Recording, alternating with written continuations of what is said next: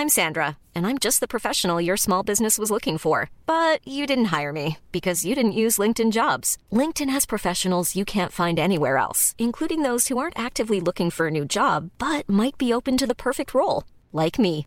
In a given month, over 70% of LinkedIn users don't visit other leading job sites. So if you're not looking on LinkedIn, you'll miss out on great candidates like Sandra. Start hiring professionals like a professional. Post your free job on linkedin.com/people today. Hey, it's Danny Pellegrino from Everything Iconic.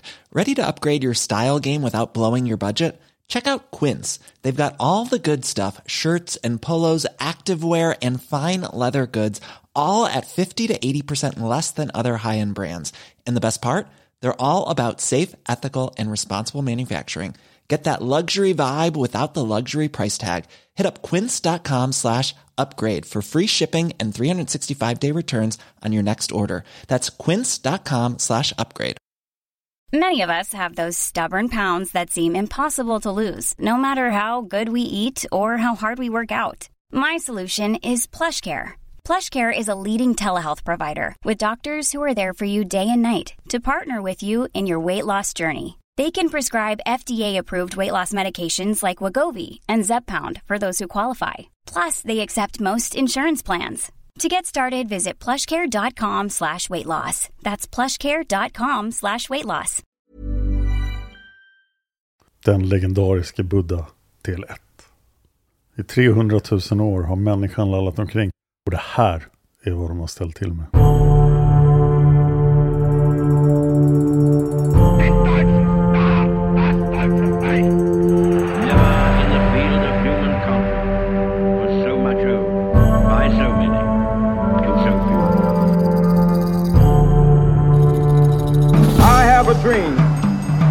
Dallas, Texas, the flash, apparently official, President Kennedy died at 1 p.m. Central Standard Time. It's one small step for man, one giant leap for mankind. Statsminister Olof Palme är död. God eftermiddag. World Trade Center i New York brinner. Nu blir det historia med Dan Hörning och Cornelia Boberg.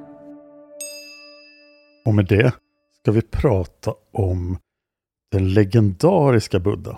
I förra avsnittet pratade vi ju om den historiska Buddha, hur mycket vi egentligen kan bekräfta om den historiska personen Buddha.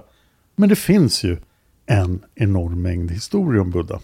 Och nu har jag tagit någon slags konsensusversion här av Buddhas liv. Jag kommer ge lite olika versioner av olika händelser när de skiljer sig åt väldigt mycket i olika versioner. Men i de här två avsnitten så kommer jag att berätta Buddhas legendariska liv, eller det som, ja, ganska många brister i alla fall har uppfattningen om är Buddhas liv. Och eh, vi tog ju hand om alla hans tidigare liv i slutet på förra avsnittet, så nu ska vi faktiskt börja från att han då föds, kanske då 563 före vår tidräkning. Buddha, som många andra, hade en mamma och en pappa. Eller men om man hade en mamma och en pappa så hette de Suddhana och vi kan kalla honom för Sudden, det är pappa. Sudden. Och sen har vi mamma, Maya Devi, som vi kallar för Maja. Maja och Sudden. Det är Maja och Sudden. Och enligt då buddhistisk tradition så föddes Siddhartha Gautama i Lumbini, vilket då ligger i Nepal. Och han växte upp i Kapilavastu och det vet ingen var det ligger idag. Va? Är det helt borta? Ja. Men har det funnits på riktigt? Jag tror att det har funnits på riktigt. Eh, Det beror ju på om någonting av den här legenden jag kommer att berätta nu. Och det är ju lite intressant att vi faktiskt ger oss in på legender nu. Det är ju viktiga legender som har haft mycket påverkan på historien, men det är ändå inte historiska fakta. Och vi tänker ta oss den här friheten. Vi tänker ge oss på legender nu och då. Jag har ju ganska många andra legender jag vill berätta i den här podden. Till exempel då Romulus och Remus och Aina- Ainaden och liknande. Men eh, det är ingen legendpodd. Men ibland så kommer vi just på legender. Som till exempel den här legenden om Buddha. Som alltså börjar med Sudden och Maja. Kommer du ihåg Ashoka? Mm. Mm, han var ju den här killen som härjade på mitten av 200-talet. Före vår tidräkning. Och han eh, bestämde ju väldigt mycket om Buddha och skrev upp det på sten. Och han sa helt enkelt att eh, Han satte upp en pelare i Lumbini och sa Det här är platsen där Buddha, Sakyas stora lärde man, föddes. Om det var någon som inte höll med Ashoka så låg de risigt till för Ashoka var ju inte en kille man sa emot. Och då har ju du kanske och många av er lyssnare hört historien om hur Buddha var en jätteviktig prins och, och Sudden var en jätteviktig kung. Oh ja. Men det här, den legenden har kommit till ganska sent i den buddhistiska traditionen. Så i de första versionerna av Buddhas liv och problemet med buddhistiska texter är att de sällan vill ge ett kronologiskt narrativ över Buddhas liv. Men just det här att han, han var en viktig prins, att Sudden var en superviktig kille, är saker som har kommit till senare. Men det blir mycket roligare om det stämmer. Ja, det är klart. Så i vår version av Buddha-legenden så är Sudden en jätteviktig kille. Och frågan är hur viktig, men det kommer vi tillbaka till sen. Så enligt då till exempel Mahavastu och eh, Lalita Vistera, två viktiga buddhistiska texter, så var Maja också jätteviktig. Hon var nämligen en prinsessa från Devdaha. Och det är ju den antika huvudstaden i Kolia-riket. Kolia-riket var ett av de 16 rikena.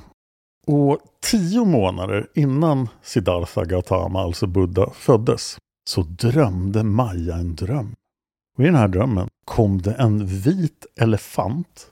En vit elefant. En vit elefant. Observera att det inte är en rosa elefant, utan en vit elefant i hennes dröm.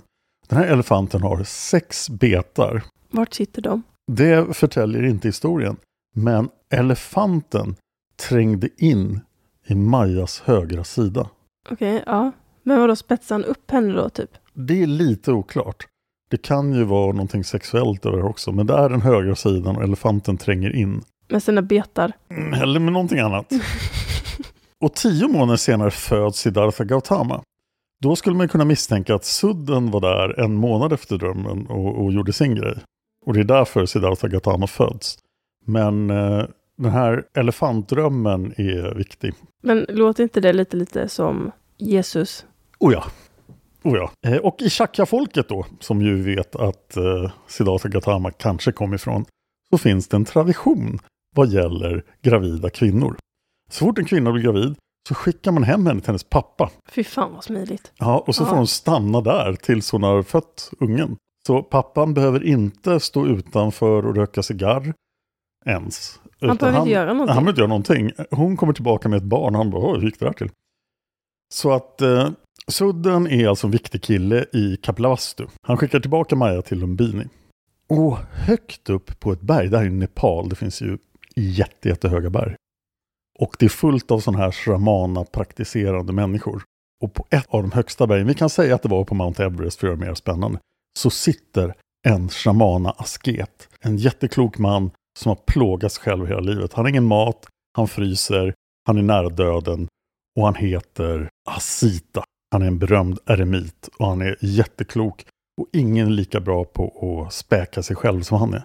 Men helt plötsligt får Asita en vision och inser att han måste klättra ner från berget. Och det här är precis då när Maja är på väg hem till pappa med sin graviditet.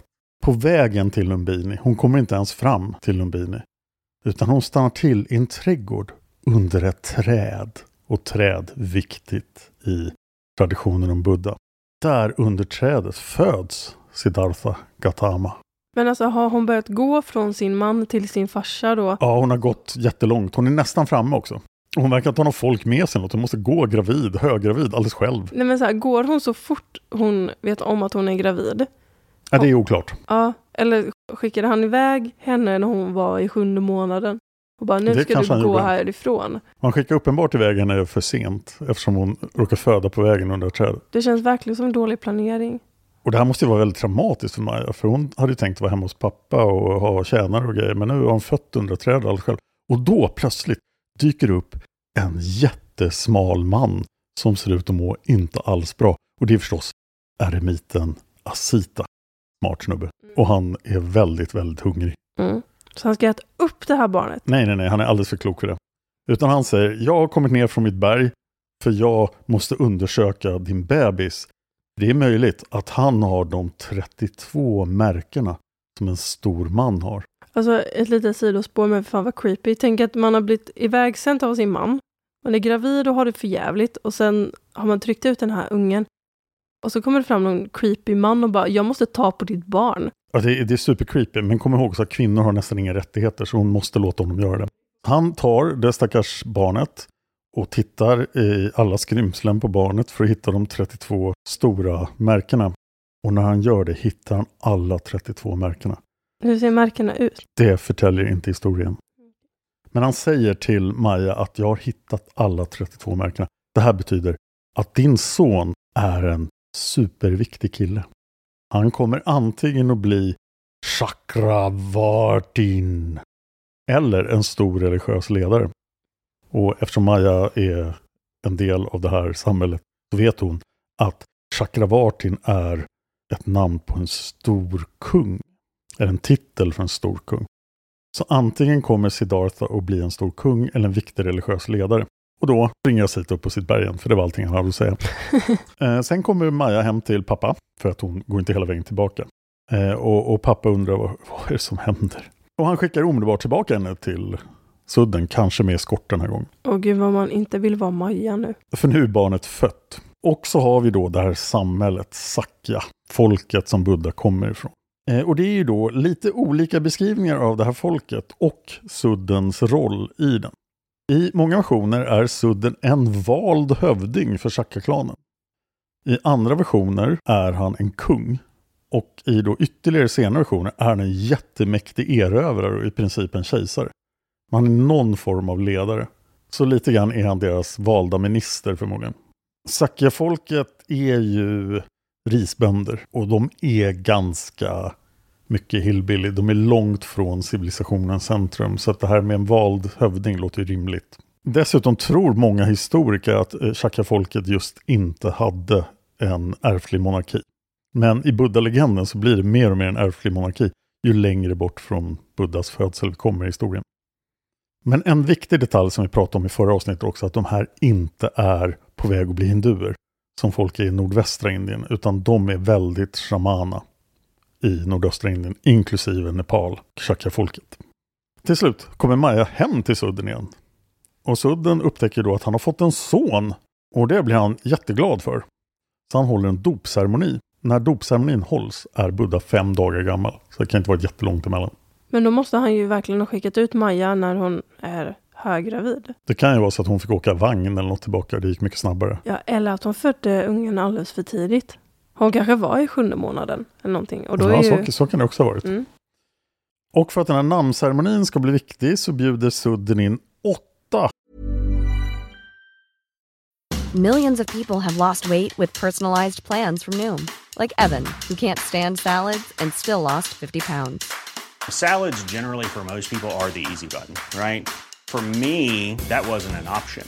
I never really was a salad guy. That's just not who I am. But Noom worked for me. Get your personalized plan today at Noom.com. Real Noom user compensated to provide their story. In four weeks, the typical Noom user can expect to lose one to two pounds per week. Individual results may vary. I'm Sandra, and I'm just the professional your small business was looking for. But you didn't hire me because you didn't use LinkedIn jobs. LinkedIn has professionals you can't find anywhere else, including those who aren't actively looking for a new job but might be open to the perfect role, like me. In a given month, over 70% of LinkedIn users don't visit other leading job sites. So if you're not looking on LinkedIn, you'll miss out on great candidates like Sandra. Start hiring professionals like a professional. Post your free job on linkedin.com/people today. braminer, alltså vediska präster, de som är på väg att bli hinduer. Så lite inflytande har de här ändå. Oklart varför han bjuder in dem då när det är så mycket shamana-tradition i Shakya. Och så säger han till de här, det kanske är lite grann en dare till braminerna att visa nu att er religion är så himla bra. Så vad tror ni kommer hända med min son? Och sju av braminerna säger typ det du kan förvänta dig att de skulle säga. De säger att han kommer att bli bra och allting kommer att gå fint och han är klok och stark och, och stor och bra. Vad vill du att vi ska säga? Men det säger inte Kondana, den yngste av prästerna från den vediska traditionen. Han tittar på bebisen och säger Det här barnet kommer att bli Buddha. Säger han det? Ja, och kom ihåg att det fanns ju tidigare buddor som Siddhartha Gautama träffade i sina tidigare liv och lärde sig saker av. Så att det har funnits buddor förut. de uppvaknade, eller den uppvaknade. Att man uppnår den här totala kunskapen om hur man ska leva och allting och slipper födas igen. Och det säger den här prästen att det här kommer hända, det här barnet. Så det är verkligen ingen överraskning när det händer, utan det har folk förutsagt från början. Det rimmar också bra med den knasiga eremitens förutsägelse att han ska bli en stor religiös ledare. Trots allt det här, då vi vet jättelite om Siddhartha Gautamas uppväxt och vad som hände om honom var barn. Men ju längre tiden går från de faktiska händelserna, desto högre status har han. Och det är viktigt att komma ihåg. Enligt de tidiga buddhistiska texterna så var Siddhartha i princip avskärmad från all religiös utbildning. Så han utsattes inte för vare sig shramaner eller för vediska präster. Han hade ingen koll på religion. I andra versioner så var religion hans största intresse. Men han är däremot väldigt intresserad av att slåss och av tjejer. Så han vill i princip visa att han är coolare och spöa killar och sen vill han ha ihop det med tjejer. Ja, man kan mycket väl betrakta honom, speciellt i de här senare versionerna, som en extremt bortskämd prins.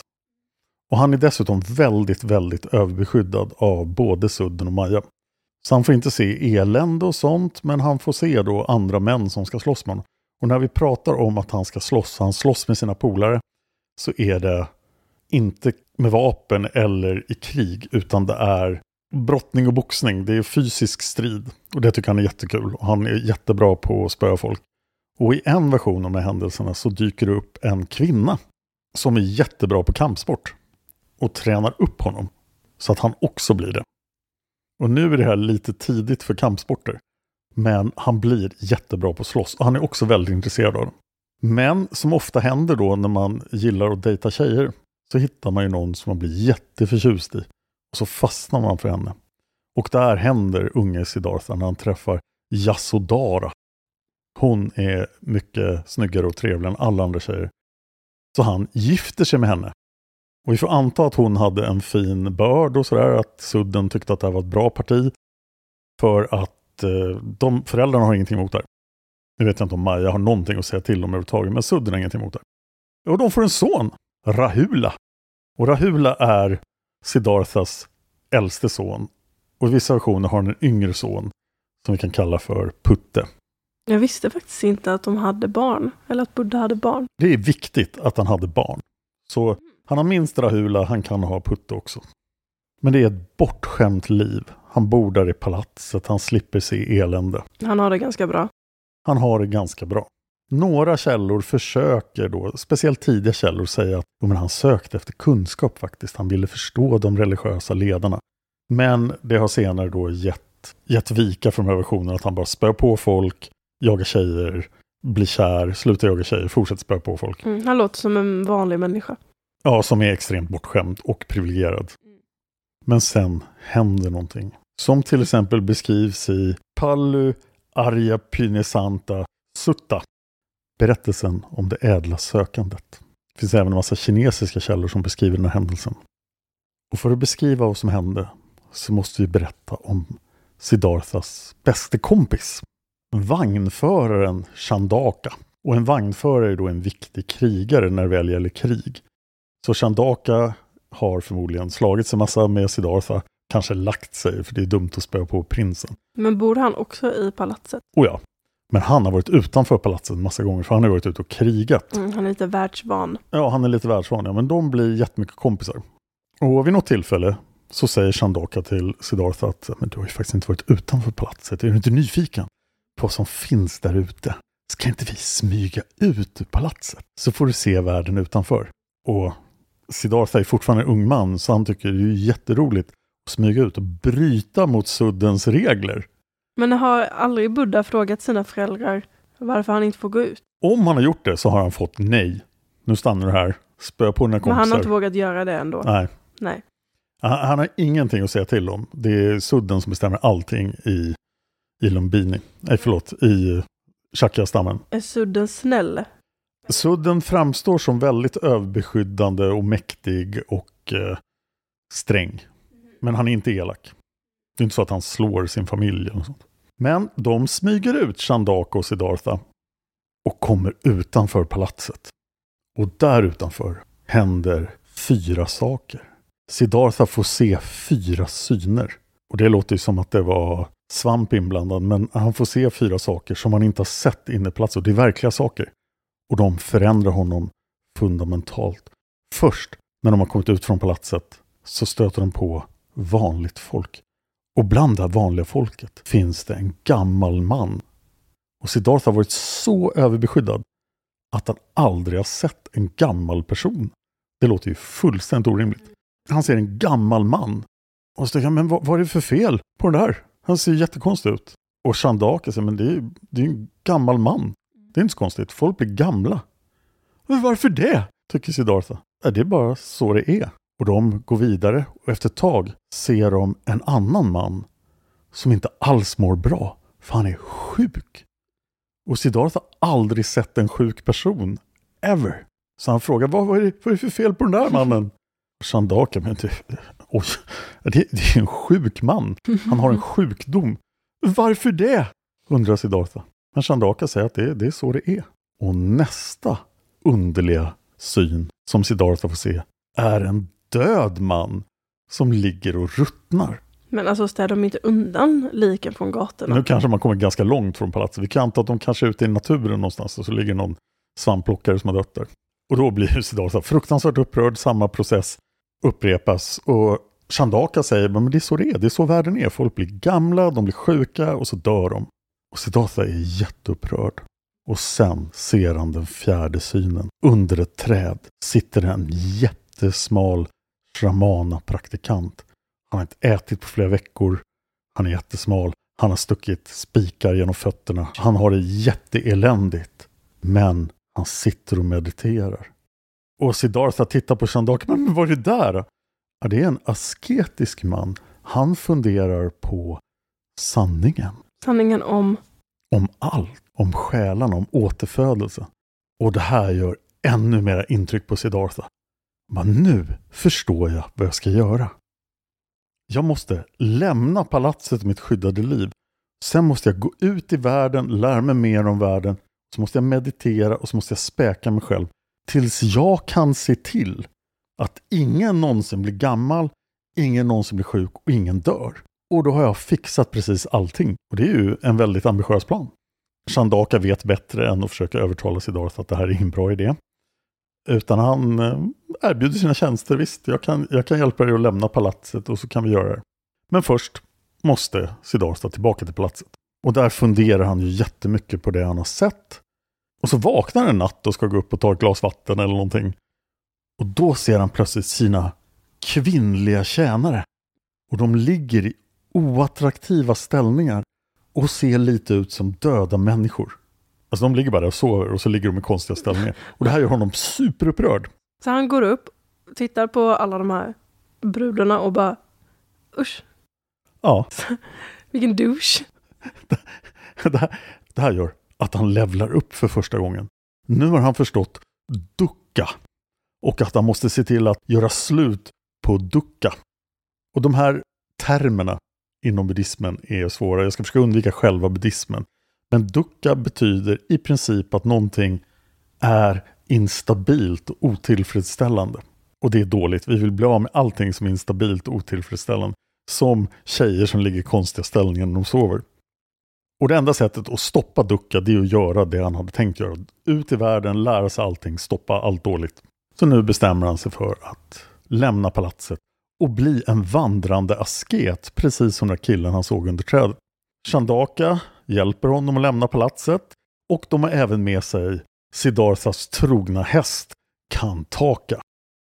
Så det är Chandaka, Kantaka och Siddhartha som lämnar palatset. Två personer, eller tre personer som inte blir informerade om det här överhuvudtaget och vad som händer. Det är ju förstås Siddharthas fru och hans son eller söner. De får inte reda på någonting. Siddhartha bara drar från dem. Och han beger sig till en flod där han rakar av sig allt sitt hår. För den här killen som satt under trädet, han hade rakat av sig allt sitt hår. Så det, han har insett att så här, kloka män har inget hår. Och sen kommer han på, kloka män har inga polar och hästar heller. Så han skickar tillbaka Chandaka och Kantaka. Vad otacksam Han han kanske är. till och med rymmer ifrån dem. Sen springer han in i skogen och där byter han kläder från de snygga platskläderna till munkkläder. Och när du tänker på en buddhistisk munk, det är sådana kläder han sätter på sig. Sådana orangea långa, eller röd, orangea långa Ja, dräkter kanske. ja, det skulle jag säga. Och då av någon anledning så funderar folk på varifrån fick han munkkläderna? Och det tycker inte jag är en jättestor fråga. Han kanske bara, det kanske fanns munkkläder någonstans på platsen som han tog med sig, han köpte dem, han kan ha gjort tusen grejer. Men varför bytte han inte om och fixade allting inne i palatset? Men då hade ju folk kanske anat oråd. Nu har ju kanske folk sett honom på gatan när han går runt i sina prinskläder. Ja, men han måste byta kläder i skogen av någon anledning. Men var kom kläderna ifrån? Och kommer du ihåg jag sa att man hade på 1800-talet tagit bort allting religiöst ur historien om Buddha och gillade att buddhismen var en filosofi och inte en religion. Mm. Men i legenden om Buddha så kryllar av religiösa inslag. Och här kommer det första. Var kom munkkläderna ifrån?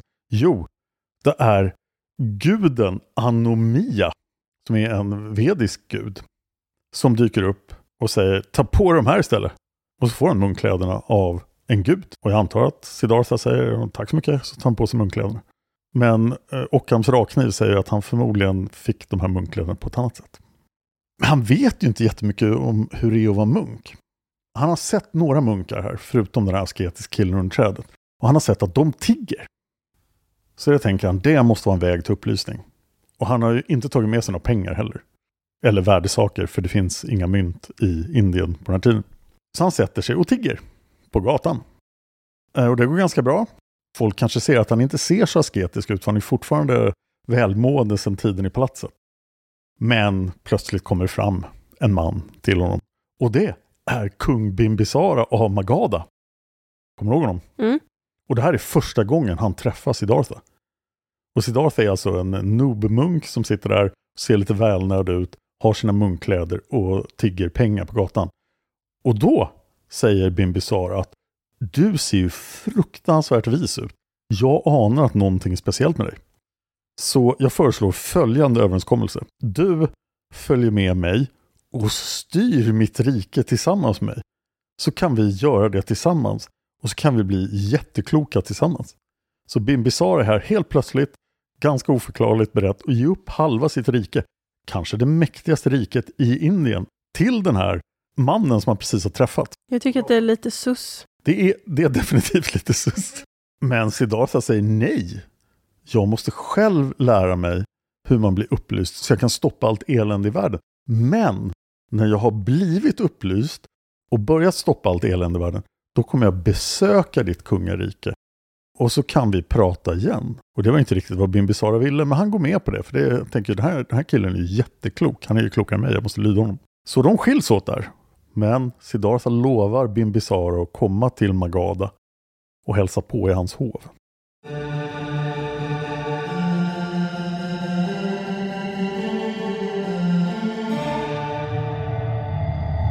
Det här med att tigga, det blir ju tråkigt i längden. Så Majima Nikaya, som också är en buddhistisk skrift, nämner att eh, Siddhartha nu gav sig ut i den avlägsna djungeln och satte sig där och tänkte på hur han skulle stoppa allting.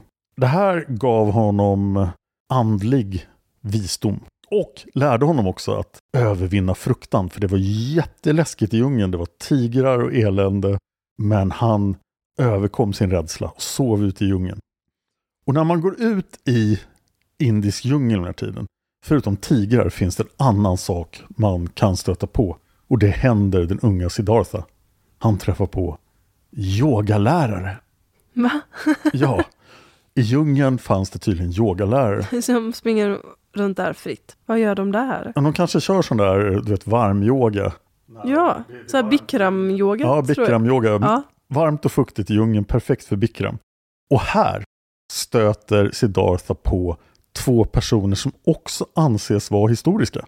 Och det blir någon slags cirkelbevis eftersom Siddhartha stöter på de här personerna som anses vara historiska så måste Siddhartha ha varit historisk och eftersom de stöter på Siddhartha som anses vara en historisk person så anses de också vara historiska. Det finns förmodligen mer belägg för att de är historiska. Men den första yogaläraren som Siddhartha stöter på i djungeln enligt Anapanisana Sutta och kinesiska skrifter är Arada. Kalama. Arada Kalama är kanske en historisk person. Han anses vara en historisk person. Och det är för att han hade bemästrat en meditationsteknik som ingen annan hade bemästrat. Och så gjorde han säkert en massa andra bra grejer. Men det som är speciellt viktigt för Siddhartha är att han kunde den här meditationstekniken. Och det är intets svär. Åh, vad är det? Det är, man mediterar och så handlar det om intet. Det är ingenting. Och det har han bemästrat. I am no one. Ja, lite grann. Lite grann. Det här är lite som eh, säsong 5 och 6 av Game of Thrones. Det här är hans tid i House of the Undying. Mm. Det, han lär sig supermycket saker, men att följa just resan här är inte jättespännande. Men han kommer bli cool sen. Han kommer definitivt få mer användning av det han lärde sig än vad Arya Stark fick. Så hade det inte varit coolt om Buddha swappar faces och dödar Walder Frey? Buddha är ju inte så pigg på döda saker. Men på något sätt träffas då Siddhartha och Arada Kalama. Och Siddhartha får lära sig och börja praktisera, börja studera inte ett svär. Och det går jättefort. Han lär sig den och Arada Kalama blir helt förvånad. Ingen har lärt sig inte att svär så här fort. Du måste vara den bästa yogamannen i världen. Siddhartha försöker ju bli den uppvaknade Buddha. Och det är ingen som är det på den här tiden. Men Arada Kalama är på god väg, men han har bara bemästrat en sak. Han har bemästrat inte ett svär och han har aldrig sett någon lära sig det här så fort. Så han blir jätteimponerad av Siddhartha och han säger Siddhartha, stanna med mig, led min yogarörelse tillsammans med mig och så kan vi bli visa ihop, det kommer bli jättekul, nu gör vi det här. Men Siddhartha säger nej, jag måste själv lära mig allting. Men jag tackar dig för att du har lärt mig inte ett svär. Men i, hemlighet, utan att berätta det för Arada Kalama, är Siddhartha lite otillfredsställd och har lärt sig inte ett svär. Han har bemästrat den. Men han tycker att det här är inte tillräckligt. För att inte ett svär är ju bra, men det leder inte till att jag blir av med min passion. Jag har fortfarande kvar mina begär, jag är inte riktigt lugn, jag har, det finns massa saker jag inte kan än. Och jag är definitivt inte uppvaknad. Så Buddha är missnöjd här då? Ja, så han går vidare. Och det är då han stöter på den andra yogaläraren. Udraka Ramaputra. och helt överraskande kan Udraka Ramaputra en annan meditationsteknik som han har bemästrat. Och det här är sfären av att uppfatta och inte uppfatta. Vad är det man ska uppfatta och inte uppfatta? Allt. Vadå allt? Jag är inte buddhist, jag, förstår inte jag är dålig på yoga också. Men eh, Siddhartha förstår det här. Så han börjar träna på sfären av att inte uppfatta och uppfatta. Och det går jättebra. Och Draka Ramaputra blir otroligt imponerad. Nu har han sprungit runt och mediterat här jättelänge och har en massa yogaelever. Men ingen har fattat det här lika bra som Siddhartha. Och vad tror han säger då till Siddhartha? Jo, han säger Följ med mig, bli yogamästare över den här skolan tillsammans med mig. Och så kan vi tillsammans bli visa, det kommer bli jättekul. Men Siddhartha säger, nej, jag måste lära mig allting själv. Så jag kan stoppa död, sjukdom och ålderdom. Att ingen har tänkt på det innan? Att inte bli yoga... Nej, men just det här att man har sett död, fattigdom, sjukdom och... Ja, och bara vilja sätta stopp för. Ja, och bara, nej, det här är för jävligt. Nu ska jag sätta stopp för det här. Har ingen annan tänkt på det här innan? Men jag tror ingen har varit så här ambitiös. Och det kanske är just den här superbortskämda bakgrunden och hans uppväxt som har gjort att han tror att han kan klara vad som helst. Ja, eller att han, att han har skuldkänslor för att han har haft det så bra när, han, när det finns så mycket lidande så att han vill gottgöra för att han har varit... Så privilegierad? Nej, inte att han har varit privilegierad, men kanske att han har varit ouppmärksam. Oh. Ja, han vill gottgöra för att han har varit ouppmärksam när alla andra har lidit men inte han. Och nu vill han gottgöra det. Och få alla att må bra. Det kan nog mycket väl stämma. Och nu vill han verkligen gottgöra att han har varit så bortskämd också. För när han kommer ut ur djungeln och har lärt sig all den här yoga. Men hur gammal är han nu?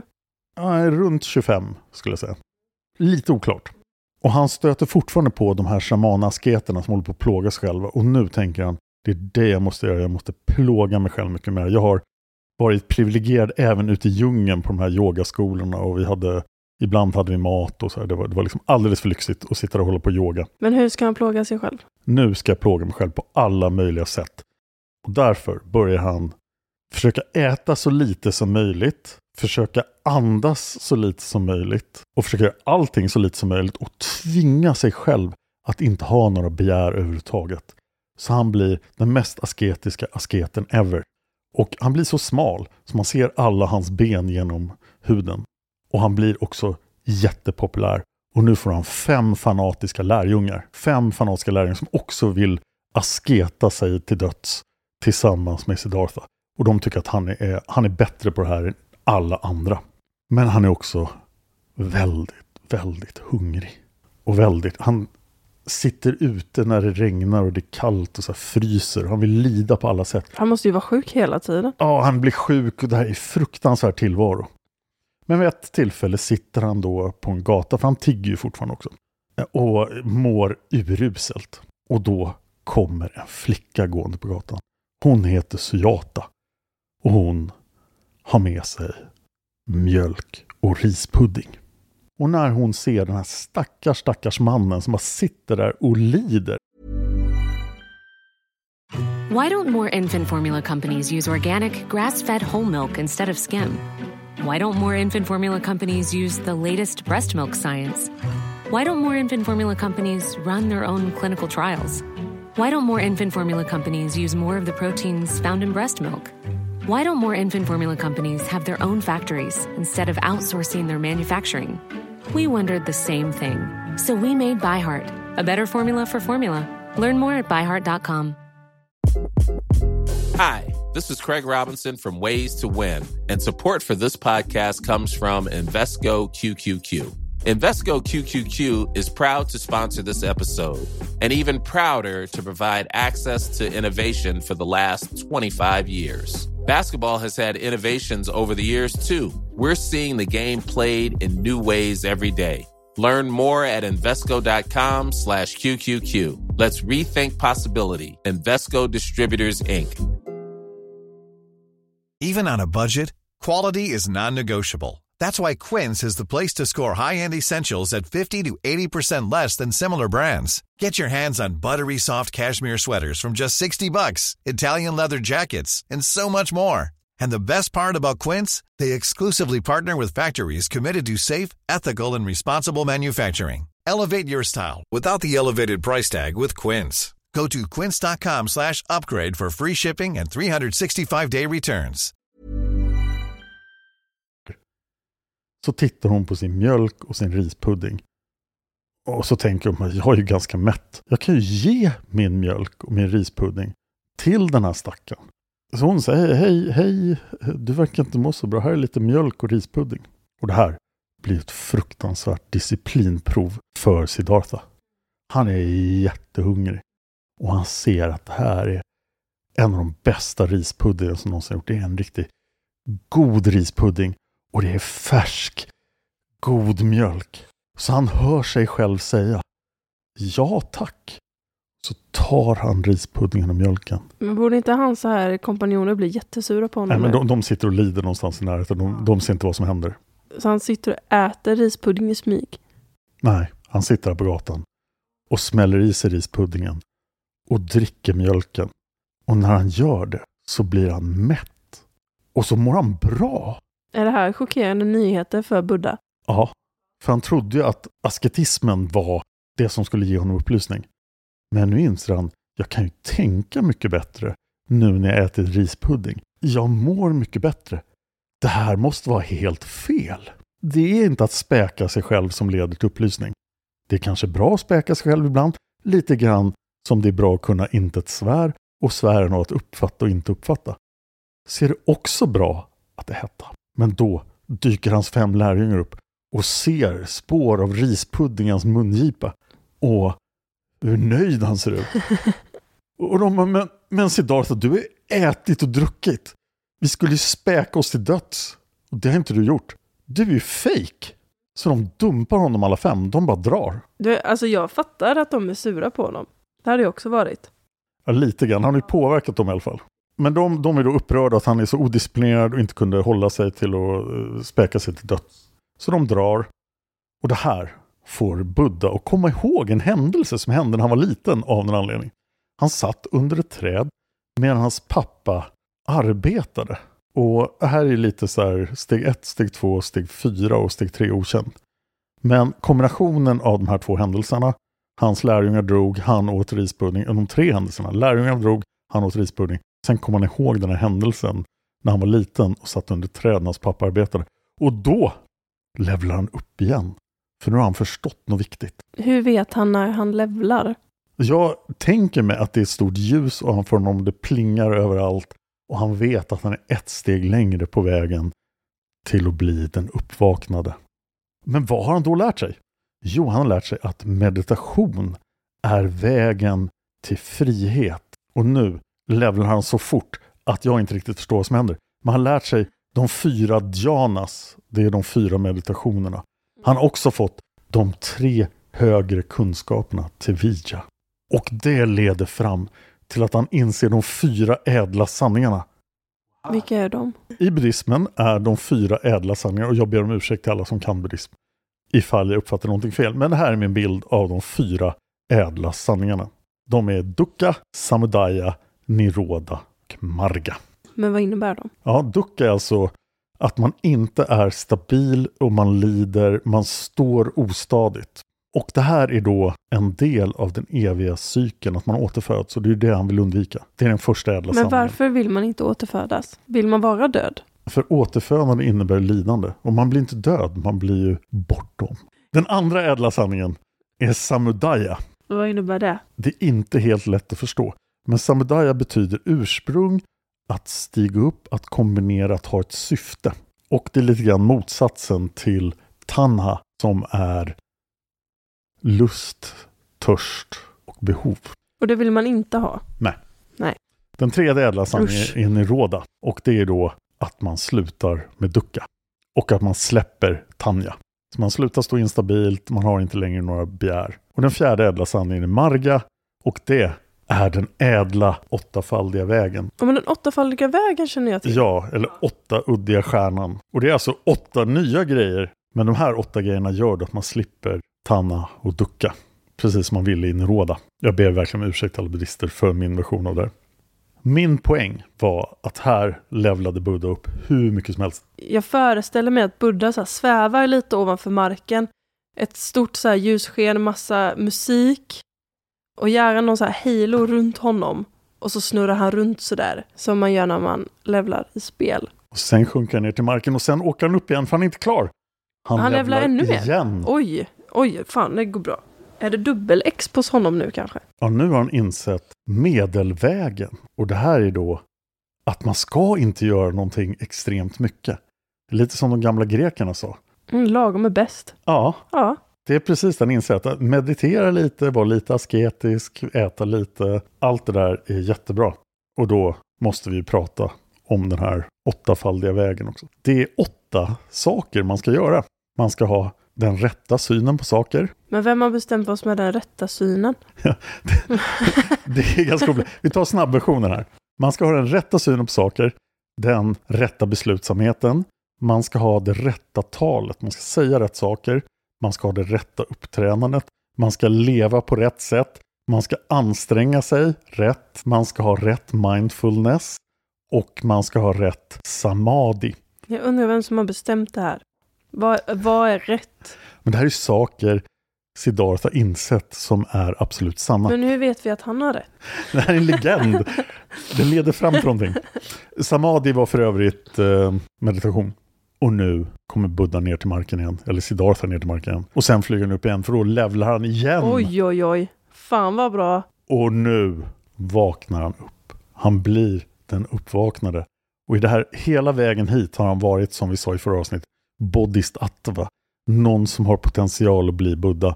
Men här blir han den uppvaknade. Han blir Buddha. Han är level 1000 nu. Oj! Han är level oändligt. Alltså, det går inte att levla mer. Han har levlat något otroligt. Han är den uppvaknade. Ja, han har klarat sista bossen. Men han har ju inte tagit bort alla världens problem. För det visar sig någonstans på vägen att det var inte det som var det viktiga. Utan det viktiga var ju kunskapen.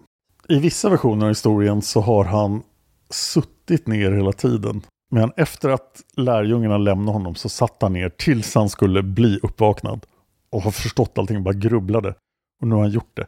Och i många versioner sitter han under ett träd också förstås. Men nu sitter han fortfarande under trädet. Han har vaknat. Men nu har han ju ett problem. Han har den fullständiga kunskapen. Han är uppvaknad. Han kommer inte återfödas mer. Är han the three-eyed raven nu? Ja, nu är han Buddha. Men han har ju en, en sak han måste ta ställning till. Ska han nu ge sig ut i världen och lära andra det här? Eller ska han bara sitta där och veta allting och ha det bra? Ska han sitta fast i Werewood-trädet? Eller ska han ge sig ut och bli kung över Seven Kingdoms? Nej, nu, nu börjar Game of Thrones-parallellerna halta. Bran gjorde ju lite båda. Vad jobbigt att tänka sig att Bran skulle vara Buddha. Nu hoppas jag verkligen att vi inte har många lyssnare som inte har sett Game of Thrones. Annars se Game of Thrones, men sluta kolla i avsnitt två i säsong åtta. Men där sitter då Bran. Siddhartha, Bran. Buddha, under trädet i sju dagar för att fundera på den här frågan. Ska jag lära upp andra människor så de också kan bli uppvaknade? Eller ska jag bara sitta här och tänka på allt? Och det är tydligen ingen lätt fråga. Vad hade du gjort? Ja, det händer lite grejer runt omkring här som påverkar Siddharthas, eller Buddhas beslut då. Det är nämligen så att Mara, gudinnan och härskaren över begären, hon är upprörd. Hon tycker att det är hemskt. Nu har Buddha lärt sig en massa saker och blivit uppvaknad. Det är jättejobbigt. kommer sabba alla begär. Hon vill ju att folk ska knarka och lusta, köra ladd och luder hela vägen. Och det kommer inte göra nu om han kommer springa omkring och lära upp dem. Så hon måste se till att han inte springer runt och lär upp människor. Och Mara har ju en standardlösning för allting. Hon skickar sina nakna supersexiga döttrar för att förföra Buddha. Buddha är förstås inte intresserad av massa nakna tjejer. Eh, Så det funkar inte alls. Jaha, tycker Mara, vad ska jag göra nu då? Hon måste ta till sitt andra trick. Hon skickar en monsterarmé. Ja men här är The Army of the Dead. Oh ja, så här kommer en armé av monster. Och det här måste ha väckt viss uppståndelse i området för att det drog igenom en armé av monster. Men de är på väg till trädet och de ska slarvsylta av Buddha. Och även om han är upplyst och uppvaknad så, så kommer han ju bli sliten i stycken av monstren. Eh, Så han blir tvungen att eh, reagera på något sätt. Och han tänker, kanske jorden kan skydda mig. Så han sätter en hand på jorden. Och då reagerar jordgudinnan. Och tittar vad som händer. Nej men oj, nu är Mara ute med sin monsterarmé och ska slå ihjäl, slå ihjäl henne. Han är ju Buddha, det här kan inte jag tolerera. Så jorden sväljer monsterarmén. Och Buddha kan sitta kvar under trädet och fundera på om han ska lära. Så det uppenbarade sig ett stort slukhål typ. Plopp. Och så föll alla ner. Någonting sånt. Det finns också en massa andra mirakel och magiska berättelser runt att han sitter under trädet och funderar. Men då levlar han upp igen, för det fanns mera saker att lära sig. Vad var det? Det är dharma. Dharma är verkligen inte lätt att förstå. Men min uppfattning av dharma är, är att det är just läran. Hur man ska kunna lära ut allting han har lärt sig. Och jag tror vi, vi, vi lämnar min förklaring där, så att jag inte säger mer fel. Som sagt, jag försöker inte göra en podd om buddhism, utan bara om den legendariska Buddha. Och när han nu vet hur han ska lära ut allt det här, då lutar det lite åt att han ska lära ut det här till folk. Men sen tänker han efter sig, det vore ju jättemycket jobb att gå runt och lära ut det här till alla. Det vore ju jättejobb. Jag kan ju bara sitta här under trädet och ha det bra och tänka på allting jag vet. Så han tvekar fortfarande. Han tänker att människan är ju ändå helt dominerad av okunskap, girighet och hat. Och jag kan ju inte lära alla människor det här. Det kommer ju ta alldeles mycket jobb. Det har jag inte tid med. Och det är svårt att förstå den här sanningen jag har förstått. Kan verkligen alla göra det? Och i det ögonblicket dyker en annan gud upp. Det är Brahma Sahampati. Och han örfilar Buddha och säger så här, nu får du skärpa dig. Du har rätt, för jag kan läsa dina tankar, du har rätt i att människorna är okunniga och girihatiska. Men det är det du kan ändra på. Alla kommer inte förstå dharma, förstås, men det finns de som kommer att förstå. Och din uppgift som den uppvaknade är att få de som kan förstå det här, att förstå det här. Så nu skärper du dig, kammar dig, du har inga hår, men och sen går du ut och lär folk det här. Och Buddha säger, ah, okej det är jättemycket jobb men du får som du vill Brahma, Brahma Sampati. Jag går ut och lär folk det här. Och det gör han. Han blir en vandrande shamana. Hur många människor lär han? Det är ju en väldigt bra fråga. Men han kommer att spendera resten av sitt liv med att gå runt och prata med de som vill prata med honom. Kom ihåg att han är inte en vedisk präst, så han behöver inte bry sig om kastsystemet. Så han kan prata med alla. Fattiga som rika, kungar som leprasjuka. Alla kan han prata med. Men nu har vi en åldersuppgift här. Han är antingen 35 eller 40. 35 till 40 någonstans. När han blir Buddha. Han kommer tillbringa 40 till 45 år. Vi vet att han blir 80 år gammal. Med att resa runt. Mycket i nordöstra Indien runt Ganges. I det som idag är Uttar Pradesh, Bihar och södra Nepal. Och där kommer han att lära upp massor av folk. Alla som vill lyssna. Bland annat eh, kommer han att lära upp mördare, kannibaler. Åh, vad kommer han lära dem? Han kommer lära dem dharman.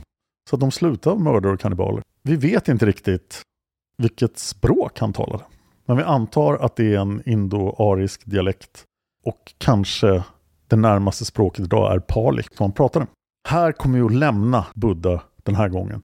Han är den uppvaknade, men kom ihåg, han stack ju från sin fru och sina en eller två söner. Och vem blir upprörd, förutom frun, om man lämnar sin fru?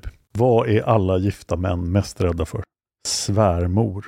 Och i nästa avsnitt kommer Buddha att träffa sin svärmor. Så är det.